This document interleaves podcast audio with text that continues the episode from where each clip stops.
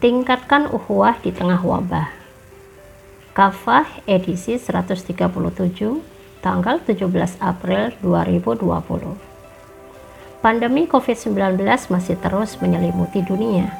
Ada sekitar 1,8 juta lebih penduduk dunia terpapar virus corona dengan 114.000 korban meninggal dunia. Sedangkan di tanah air hingga 14 April jumlah korban terinfeksi mencapai 4.839 positif, 426 sembuh, dan 459 meninggal.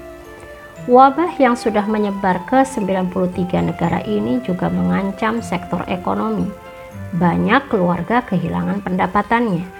Aktivitas ekonomi terancam lumpuh, sejumlah perusahaan menghentikan usahanya bahkan ada yang bangkrut. Meningkatnya jumlah karyawan yang di PHK pun mulai tampak di depan mata. Belum lagi para pedagang kaki lima, pedagang keliling, dan pekerja sektor informal lainnya. Mereka semua juga terdampak wabah secara ekonomi. Kondisi ini persis seperti apa yang diingatkan oleh Allah Subhanahu wa Ta'ala dalam firman-Nya أعوذ بالله من الشيطان الرجيم بسم الله الرحمن الرحيم ولنبلونكم بشيء من الخوف والجوع ونقص من الأموال والأنفس والثمرات وبشر الصابرين Sungguh akan kami uji kalian dengan sedikit ketakutan, kelaparan, serta kekurangan harta, jiwa, dan buah-buahan. Karena itu, gembirakanlah orang-orang yang sabar. Al-Quran Surat Al-Baqarah ayat yang ke-155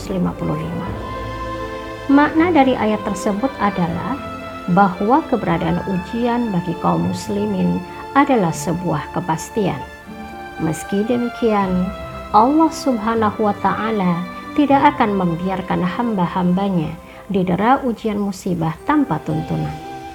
Tuntunan tersebut di antaranya yang pertama, Allah meminta hambanya untuk bersabar saat didera oleh musibah dan mereka yang bersabar akan mendapatkan petunjuk dan rahmat.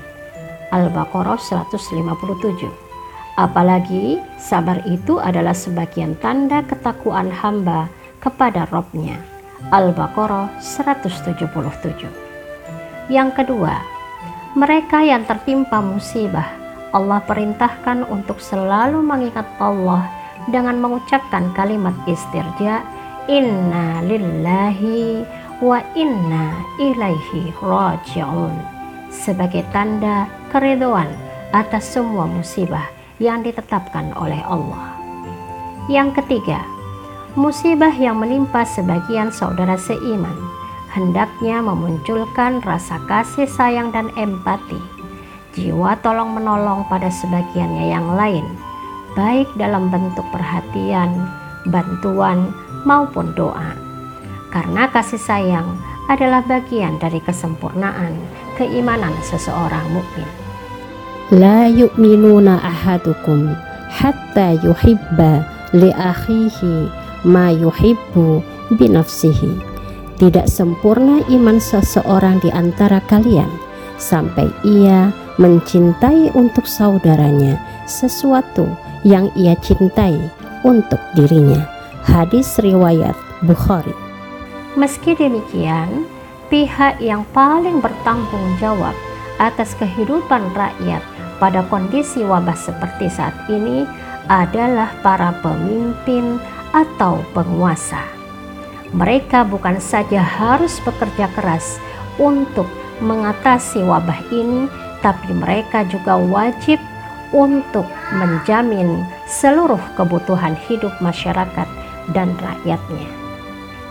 Secara syar'i, negara dalam pandangan Islam memang harus mengutamakan keselamatan jiwa rakyatnya dibandingkan dengan berbagai program pembangunan infrastruktur, apalagi investasi asing. Baginda Rasul Muhammad SAW pernah bersabda, "Fal amiru alladhi 'alan nasi ra'in wa huwa mas'ulun an ra'iyatihi." Pemimpin masyarakat adalah pengurus rakyat dan dia bertanggung jawab atas rakyat yang dia urus. Hadis riwayat Muslim. Semoga Allah segera mengangkat wabah ini dari negeri-negeri kaum muslimin, menyelamatkan umat Muhammad SAW, menghilangkan para pemimpin yang zalim dan menggantinya dengan para khalifah yang adil, yang takut kepada Allah, yang bersungguh-sungguh berkhidmat mengurusi urusan rakyatnya dengan menerapkan syariat Islam kafah.